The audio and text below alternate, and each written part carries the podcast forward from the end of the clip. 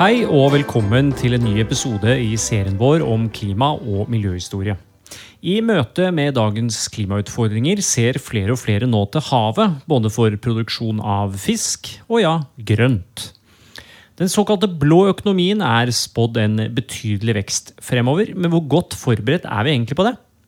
Altså Allerede i den over 1000 år gamle Gulatingsloven finner vi politiske bestemmelser om råderett i havet. Det er et eldgammelt problem, og i denne episoden skal vi møte tre ulike historiske kystnæringer som alle har støtt på miljøproblemer og interessekonflikt. Nemlig hvalfangst, fiskeoppdrett og brenning av tang og tare. Med meg her i studio har jeg Kristin Asdal, Hilde Reinertsen og Finn Erhard Johannessen. Finn Erhard jobber som historiker ved Universitetet i Oslo, mens Kristin og Hilde kommer fra Senter for teknologi, innovasjon og kultur, det er også ved UiO. Eh, men dere er også utdannet historikere, eh, stemmer ikke det? Det er vi. Da er alle historikere. Stemmer det. Flott. Det er et aldri lite stjernelag, altså. Eh, Finn Erhard, jeg begynner med deg. Du har skrevet en meget interessant artikkel om en over 200 år gammel miljøsak nemlig tangaskebrenning på 1700-tallet. Hva i alle dager var det slags uh, for industri? Ja, det var eh, noe som kommer i forbindelse med de norske glassverkene, som ble grunnlagt på midten av 1700-tallet, og de trenger soda. Og så viser det at man kan få soda, fremstille det ved å brenne tang og tare og, og bruke asken. Sånn at uh, dette var da et, uh, et, middel som ble brukt til glassproduksjon, men det ble også eksportert til England til glass og såpeindustri og, og, og mye ting. Så dette ble da på 1700-tallet og begynnelsen av 1800-tallet en uh, attåtnæring i kystdistriktene. Men hva, hva var miljøproblematikken knytta til dette her, da? Jo, det som blir et problem, er at fiskerne legger merke til eller opplever at fangstene går ned. Og så ser de at samtidig så pågår tangaskebrenningen, og da blir det en svær hvit røyk som lukter fælt. Og ser ganske mektig ut, og den legger seg utover havet. og Da er det ikke så helt det er spektakulært, og det er ikke så veldig rart at de tenker at her er en årsakssammenheng. Altså at denne røyken la seg som en hinne, en sånn giftig hinne over, over på sjøen og skremmer fisken. Så fisken som er i overflaten, sei og sild og laks, fornemmer det, så dukkerne blir borte. Og så eh, er det ikke noe fisk å få for fiskerne. Et annet problem er at eh, det er så tett denne tåka at de kan ikke finne frem til fiskemedene. Så det er også noe som dukker opp, men først og fremst at fisken blir borte, og altså det blir dårlige år. Og når dette er på det verste, det er nød på begynnelsen av 1800-tallet, så er det også at eh, tangasken, røyken, kan eh, gå utover klima og nedbør og bli kaldt, sånn at kornet heller ikke blir modent. Så det får skylda for ganske mye. Så det var potensielt store skadevirkninger av, av dette? Eh, hva kom man fram til, og hvordan kom man fram til hvorvidt dette stemte eller ikke? Ja, dette blir jo da noe myndighetene tar veldig alvorlig, for dette er en trussel mot en av Norges største eksportnæringer, nemlig fiskerien. Og de eh, utreder veldig grundig og innhenter vitenskapelige undersøkelser og, og, og uttalelser fra, fra konsuler i andre land som driver med tilsvarende ting. Og, og, men det ender nok med at, at, de har vanskelig med å bestemme seg, men det ender nok med at, at de har ikke så mye tro på dette her. Og, men, øh, men de, før de kommer så langt, så, så da er det en slags regulering at de, at de finne ut at de lokale embetsmenn skal få lov å, å suspendere tangaskebrenningen i noen områder.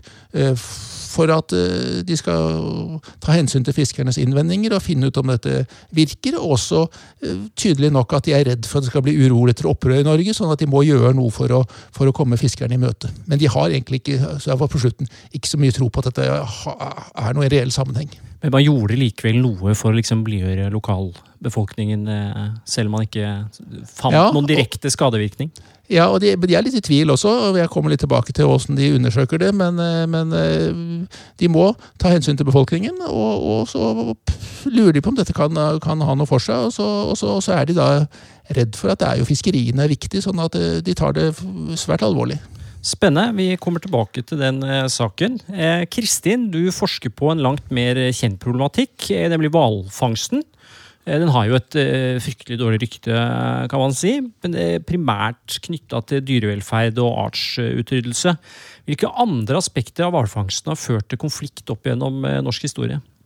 Altså, jeg tror det er viktig at vi eh, ser på hvalfangsten. Det er jo et av de virkelig første store miljøkontroversene som vi har hatt eh, i norsk historie. Eh, som berører egentlig det som er den store bioøkonomien som har vært grunnlaget for norsk, eh, for norsk rikdom og velstandsutvikling. Vi snakker jo ofte om denne nye blå økonomien altså som noe nytt, men dette er jo på en måte en historie som har vært, vært grunnlaget for norsk rikdom. Og det har vært en, i veldig stor grad en konflikt mellom ressursene Eh, i havet. Og egentlig hvalfangsten var ikke i utgangspunktet et spørsmål om, om, om, dyrevelferd. Det var et uh, spørsmål som handla om uh, forstyrra hvalfangsten.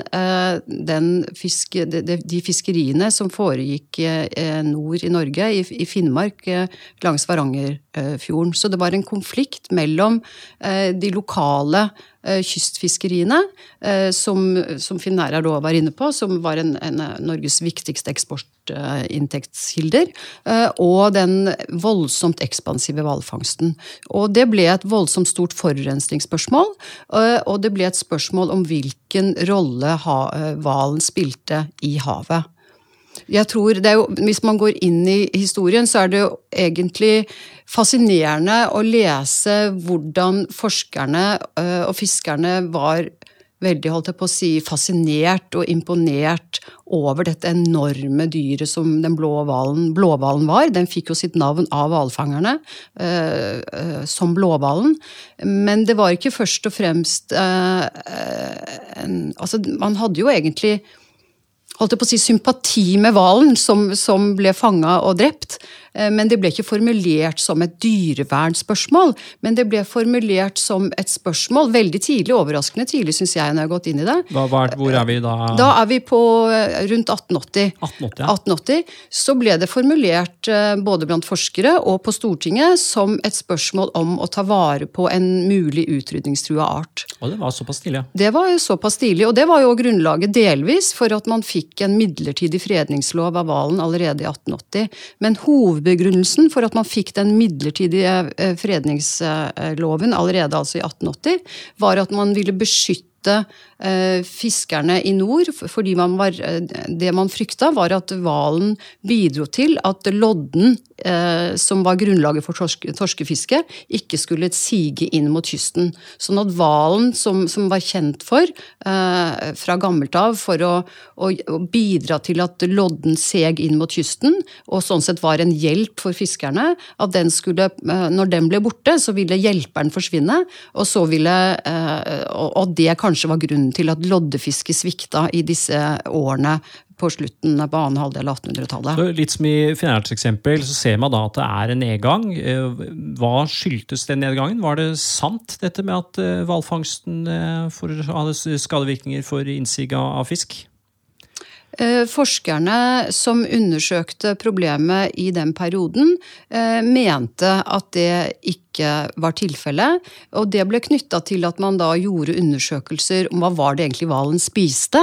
Eh, og det viste at blåhvalen, eh, som vi nå i dag vet, den spiser jo ikke lodde.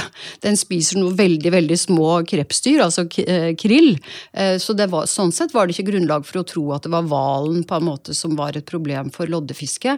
Men det har vel egentlig aldri det, men samtidig så, så, så, har jeg ikke lyst til å svare på spørsmålet ditt på den måten. Var det sant, eller var det ikke sant? Okay. Det, var, det, var, det, var, det, som er helt eh, klart, var at hvalfangsten representerte et veldig stort problem for fiskeriene. Det var et forurensningsspørsmål, det var et spørsmål om at det var på en måte holdt på å si, for fullt i, i, i Varangerfjorden. Eh, og, og, det var et problem å regulere forholdet mellom hvalfangsten og fiskeriene. Ja, For dette ender vel i et forbud, er det sånn?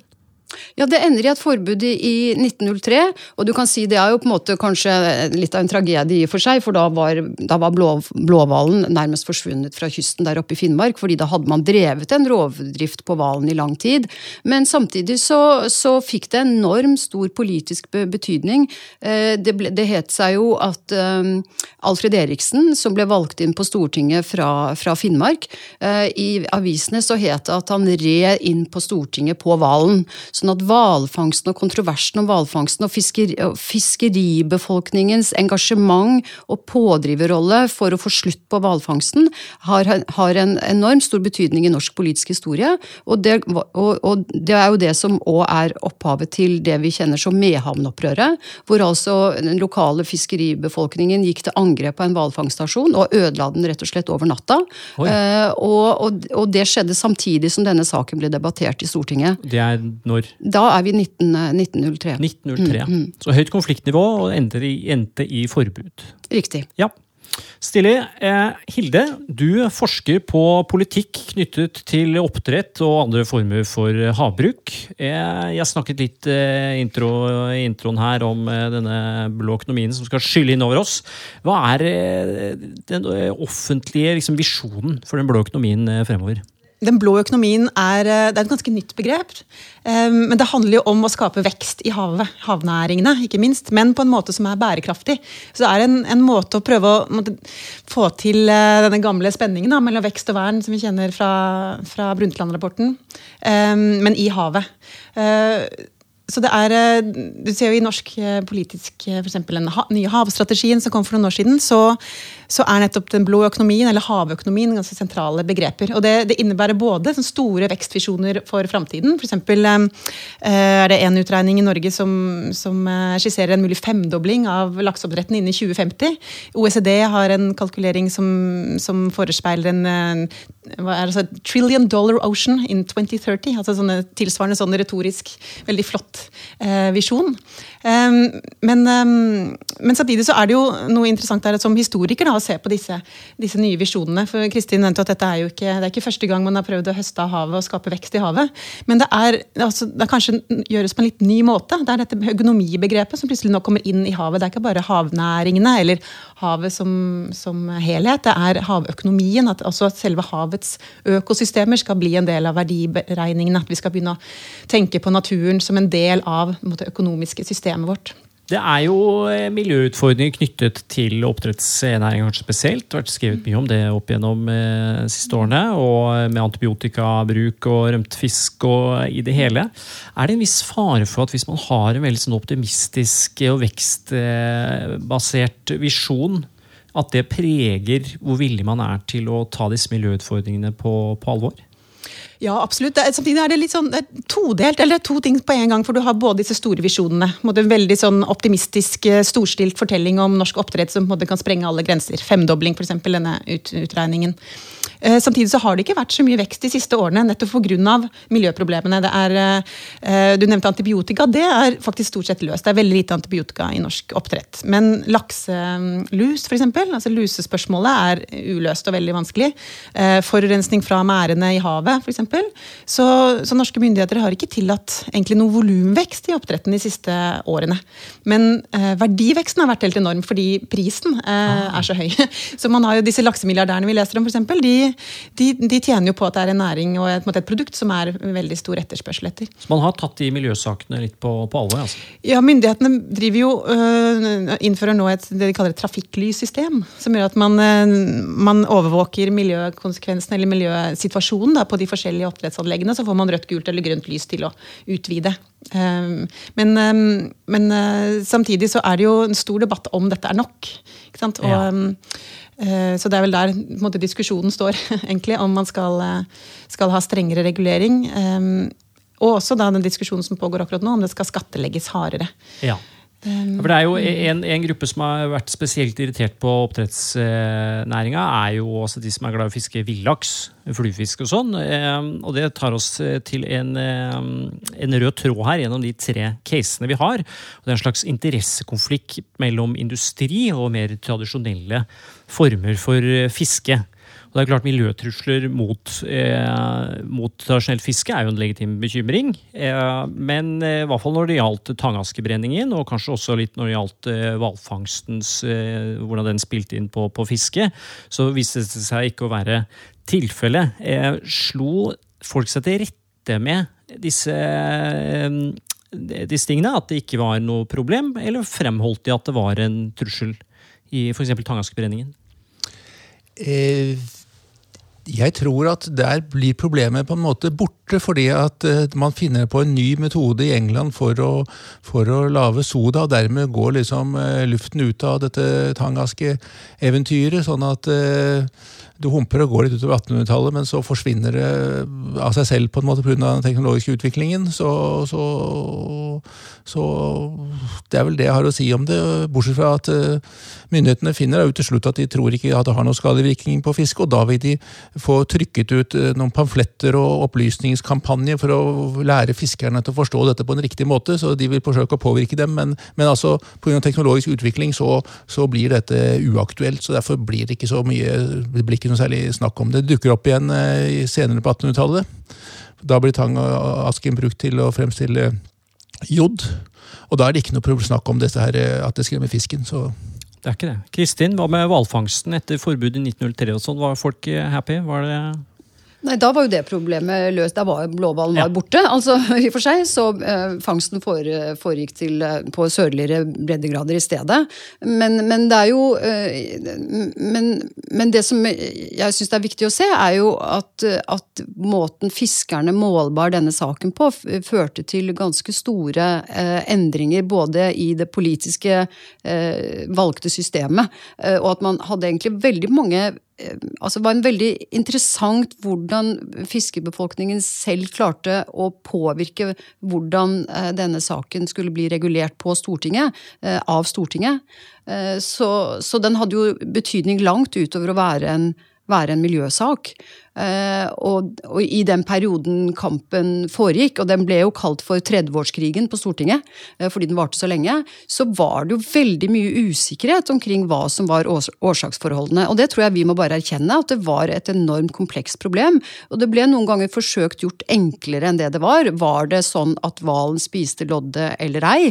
Eh, men, men det, det, som jeg tror vi må erkjenne, var jo at det òg var et, et holdt på å si, fortrengningsproblem og et forurensningsproblem og et støyproblem og et luktproblem. En kan jo bare forestille seg hvordan det så ut eh, langs eh, Varangerfjorden med en, en, en serie sånne store, store eh, dampkokerier og hvalfangststasjoner. Så det var reelle interessekonflikter mellom de tradisjonelle fiskeriene ja. og hvalfangsten. Mm. Så selv om ikke nødvendigvis hvalen noe som påvirka fiskeinnsiget, i den grad man trodde, så var det andre aspekter ved det som definitivt var problematiske.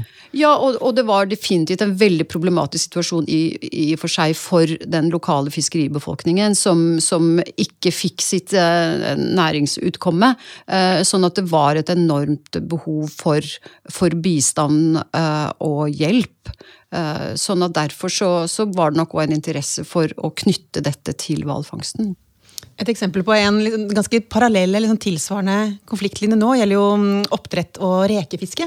Brennpunkt hadde en, mm, eh, en sak om det for en tid tilbake. Og Da er det nettopp samme, samme diskusjonen. Er det oppdrettsanleggene eller forurensning derfra som gjør at rekene blir borte? Sånn at rekefiskerne de eh, er fortvilt og føler at, er, eh, at de måtte, taper da, på, på at oppdrettsanleggene får ta plass i havet. Eh, men der står jo da diskusjonen er det, er det oppdrettsanleggene eller er det ikke. Er jo oppdrettsanleggene og forskningen som, som um, har gått inn i det, er ganske delt. Litt delvis ut fra hvem som har finansiert den, kanskje. Delvis metodene man bruker. Delvis um, altså hva man er interessert i å finne ut. Og det, Brennpunkt viste jo hvordan dette var veldig veldig vanskelig å, å, å, å, bestemme. Tilsvarende med lakseelvene. Der er det litt annerledes, for der er det kanskje mer sportsfiskere og ikke, det, ikke, så tunge næringsinteresser som, som rekefiskerne står for da, i forhold. Um, men der også jo, har du masse forsøk på å, måle og overvåke f.eks. lakseelver eller da måte reke, rekeområdene. Så du har på en måte din uh, amatørdatafangerne, altså reketrålerne og enkeltfiskere, som samler data og prøver å på en måte bevise at dette er, um, det er dette som foregår. At det er pellets i magen på ørreten eller det er, er uh, forurensning som gjør at rekene blir borte. Mens, um, mens uh, aktørene selv, altså de store, store um, oppdrettsanleggene eller brønnbåtene, da, prøver å måtte si at nei, det, det, lar seg ikke bevise. Det er nok andre årsaker. Og det, det, der står det i diskusjonen. Ja, altså Dette er jo noe som gjelder hele klima, altså alle klima- og miljøspørsmål omtrent eh, i dag. Eh, vi må jo bare sette vår lit til forskerne. altså Selv så Jeg vet ikke hva fotosyntese er engang, knapt. Så det er klart, Jeg aner jo ikke hva som foregår der ute i atmosfæren med CO2 og det som er. Eh, og Det er jo litt spennende å se da, at den type problematikk med liksom allmenn uvisshet rundt årsakssammenhenger og, og problemer, eh, og liksom det akutte behovet for å få konkrete svar på, på om dette stemmer eller ikke, er et eh, veldig gammelt eh, fenomen. Så hvilken rolle har vitenskapen eh, spilt, hvis vi kan drodle litt rundt det, eh, som liksom fasitleverandør opp gjennom disse ulike casene våre? Finært? Ja, det er noe av det mest interessante med den Tangaske-saken. For eh, hvordan de allerede da på slutten av 1700-tallet begynner å ta vitenskapen i bruk for å avgjøre dette her. Og det er jo veldig interessant at de gjør det så tidlig. Og da er det vitenskapsselskaper som eh, Trondheim og København som eh, da blir spurt om å undersøke det. Vitenskapsakademiet i Trondheim får utdelt penger for å utdele medalje til den beste avhandling om saken. Oi. Og Vitenskapsselskapet i København de gjennomfører store undersøkelser, svære eksperimenter. veldig eh, med puster eh, tangaskerøyk på, på Eh, torsk i glasskolbe først, og så senere på tønner for å se om det bare når vinden driver over det. Og til slutt har de store ute i garn ute i sjøen for å gjøre det realistisk eksperiment. Og de får røyk over det ene og ikke over det andre. Sånn at det er veldig interessant at de har så tro på vitenskapen og, og eksperimenter. og de kommer da frem til at de er ikke helt tydelige, men det er helt ganske opplagt at dette har, eksperimentet viser at dette er ikke noe farlig for fisken. Men til gjengjeld finner de ut at det er skadelig for, eh, for eh, korndyrking, og sånt, som åpenbart er helt feil. For eh, det er ikke derfor kornet ikke blir modent, det er frostår. Så, men problemet for myndighetene er at de skriver at vi har vanskelig for å bestemme oss og finne ut av dette her fordi at ø, oppfatningene eller resultatene spriker i alle retninger. Så de venter stadig på å få melding fra Vitenskapsakademiet i Glasgow. Det viser at de har veldig tro på vitenskapen, men når de tar beslutning, så, så bygger de på andre ting. Rapporter fra, fra, konsuler, og også litt vurdering av hva som skjer i forbudssonen i, i, i Norge. og Da ser de at Eh, fangsten varierer etterpå, og det har liten sammenheng hvor det har vært suspensjoner eller ikke. Så, da, så, så de, de, altså Problemet er at eh, de, kan, de tror tro på vitenskapen, men de kan ikke bruke resultatene, for spriker i for mange retninger. Og det er jo ikke noe ukjent problem senere heller. Overhodet ikke. Eh, Kristin, Hvordan er dette i hvalfangsten? Hvor tidlig kommer liksom, havforskerne sånn på banen i disse spørsmålene?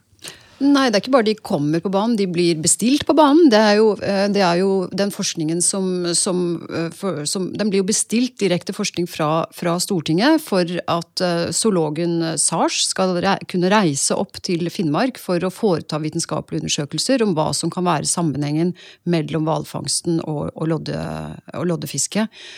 Så, så, er det ikke Det er ikke sånn at vitenskapen på eget initiativ gjør dette, men det blir bestilt styrt av Stortinget. Så det er veldig nære forbindelser mellom politikken og vitenskap. Men det er også veldig interessant det som Finn Erhard sier. Det er veldig parallelt at det var veldig stor usikkerhet. Eh, og hvordan skulle en egentlig forholde seg til dette? Det ble på en måte aldri noe sånn, eh, sånn egentlig svar med to streker under. Eh, og, og jeg syns det er egentlig interessant å se, som en som driver med politisk historie, den kompleksiteten som Stortingets politikere forholder seg til, og prøver å sette seg inn i saken på, på egne måter. Eh, og, og, opplever at de, de, de, kan ikke bare avvente svar fra, fra, vitenskap, men må på en måte ta beslutninger under, under usikkerhet og ta hensyn til en, en, eh, en fattig og lidende befolkning som, som stiller eh, sine krav. Eh, og det syns jeg òg er interessant eh, hvis en parallellfører med klimadebatten i dag. At det handler jo ikke bare om vitenskap, men det handler òg om hvordan folk kan og skal kunne leve sine liv. Og det er jo det problemkomplekset eh, vi står overfor. Men jeg synes, vi kan trekke de, det er jo veldig interessant å trekke paralleller mellom 1800-tallet og i dag. Og som Hilde peker på, den voldsomme veksten som, som vi har nå med akvakulturvisjonene om, om femdobling og sånt. Men, men Stortinget har jo hatt en veldig interessant, mer påholdende rolle. Det er jo ganske nytt, f.eks., at, man har, at man har sagt at her skal vi ha en voldsom vekst i akvakultur. Det er, det er bare Hvis vi går tilbake til tidlig på 1980-tallet, så sier Stortinget at her må vi gå veldig forsiktig frem. Eh, her må vi være, altså dette, en, dette handler om dyrevelferd. Her må vi skape arbeidsplasser i distriktene. Eh, og vi må ikke gå fortere frem enn det markedet kan ta imot. Sånn, sånn at det vi nå tar for gitt nesten som at det skal komme en voldsom vekst, der har jo på en måte Stortingets politikere gjennom mange år egentlig vært veldig forsiktige. Så det er litt ironisk at det er akkurat i den perioden at Brundtland-rapporten kommer, og kravet til bærekraftig utvikling, så ser vi en voldsom intensitet i, den, i vekst. Mens kanskje i perioden før, 60-, 70-, tidlig 80-tall, så var det en mer forsiktighetspolitikk som, som råda grunnen. Eh, Hilde, nå da? Er det forsiktighetspolitikk eh, som rår nå, eller er det tut og kjør? Um, ja, Det er kanskje heldigvis ikke helt ut å kjøre, men det er i hvert fall, eh, når du leser de nyere politiske dokumentene, så er det jo en veld, voldsom tro på at um, framtiden vil bringe voldsom vekst og, og, og um, goder da, fra havet. Uh, og at hvis man måtte klare å samkjøre ulike sektorer, næringer på tvers, skape på en måte en helhetlig havforvaltning, så vil også disse store vekstpotensialene kunne utløses. da.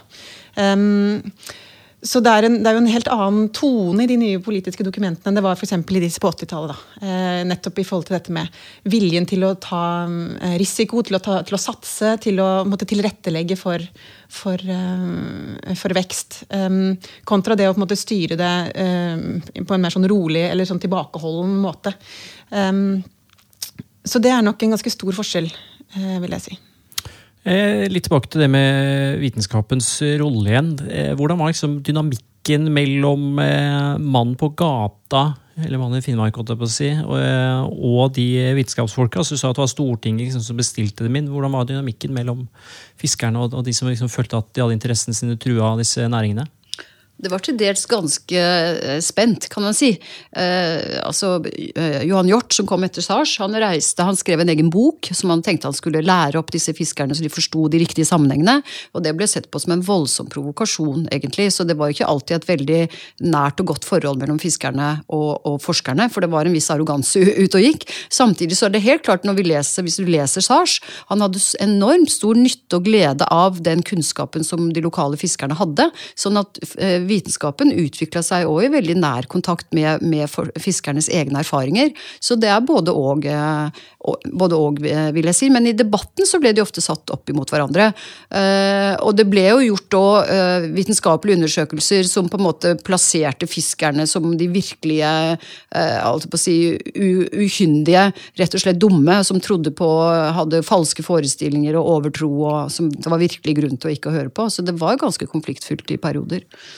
Akkurat som hos deg i, din, i din, det du har forska på, Finarad, tror jeg. Ja, Hvordan var det i ditt eh, tilfelle, Finarad?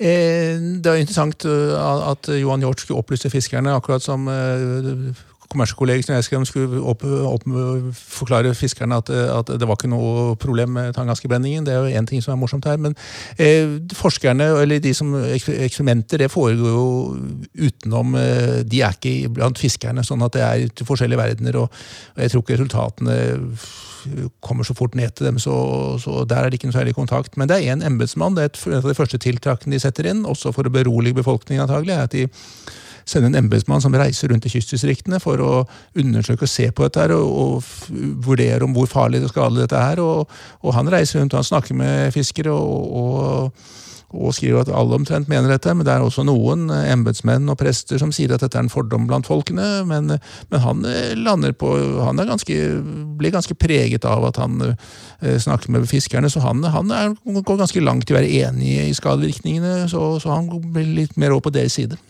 Så vi kan si at eh, vi har vært eh, heldige her på berget med en høy grad av tillit mellom vitenskap og storting og folk, eh, kanskje? da? Det er blitt en gladnyhet i dette postfaktuelle samfunnet som folk driver og advarer mot.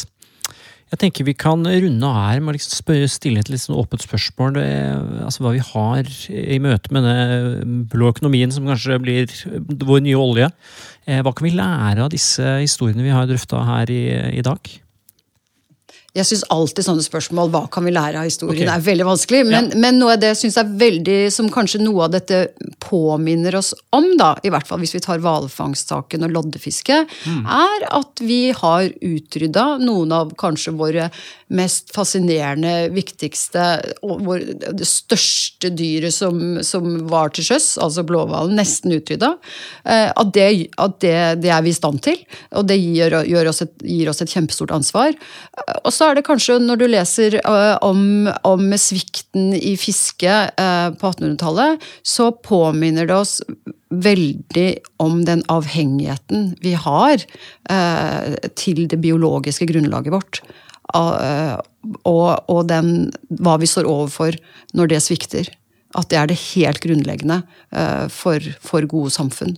Og det har vi litt lett for å la forsvinne ut av syne i våre høytekniske, høyteknologiske, innovasjonsdrevne økonomier. Vi tenker ikke så ofte på den helt grunnleggende, grunnleggende avhengigheten vi har av at disse ressursene faktisk gir oss noe tilbake, og fortsetter å komme inn til kysten og vil være i nærkontakt der vi kan mm. bruke og høste av dem på en god måte. Det, klart, det tar lang tid å gjøre gode vitenskapelige undersøkelser. sånn at eh, Man står i en viss fare for å bare sette i gang med en eller annen ny industri, og så 30 år etterpå så må en eller annen stakkars eh, forsker finne ut av hvorvidt det var en god ting å gjøre eller ikke. Eh, vi var inne på det i sted, at eh, det har vært en viss eh, føre-var-politikk på enkelte felt når det kommer til maritime næringene. Er det liksom veien å gå fremover og fronte en, en føre-var-politikk? Jeg tror i hvert fall en viktig lærdom er at politikken alltid har vært tvunget til å handle under usikkerhet, og det er politikkens vesens, og det betyr, vesen. Og det betyr at man må ta ansvar for de handlingene, og at det er en veldig risikabel vei å bare vente på ferdige, helt ferdig uomtvistelige vitenskapelige svar.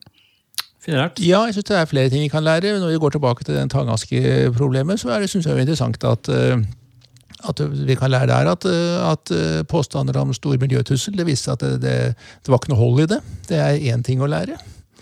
Eh, men jeg syns vel også at eh, det Kristin sa særlig i stad, om at eh, det vi stort sett har sett opp gjennom årene, er at havnæringene har vært regulert og avpasset i forhold til hverandre, og at, at en god avveining av de forskjellige interessene, at, at det må være det som er fornuftig å gjøre. Så der tror jeg jeg er helt enig med Kristin. Hilde? Jeg tror nok også at det er når man leser de dagens politiske dokumenter, så er det litt fint å ha den liksom historiske perspektivet eller bevisstheten i forhold til hvordan man måtte, ser for seg framtiden, og hvor, hvor måtte, storslagen eller flott den ser ut ofte på papiret.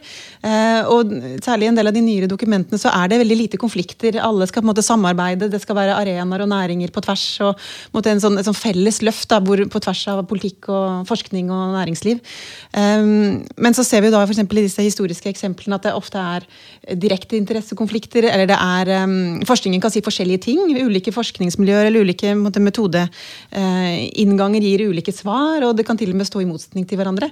Og at det er, det er viktig å ikke la seg rive med av uh, store framtidsvisjoner, men måtte huske på at, at det ofte oppstår uh, ja, konflikter og, og, problemer også, som vi må løse. Og jo større visjonen er, jo større kan kanskje problemene også bli. Hilde Reinertsen, Kristin Asdal, Finn Erhard Johannessen, tusen takk til dere. Jeg heter Anders Brenna. Ansvarlig for denne podkasten er Ellen Katrine Lund. I neste episode beveger vi oss opp på land med temaet klimasmart jordbruk.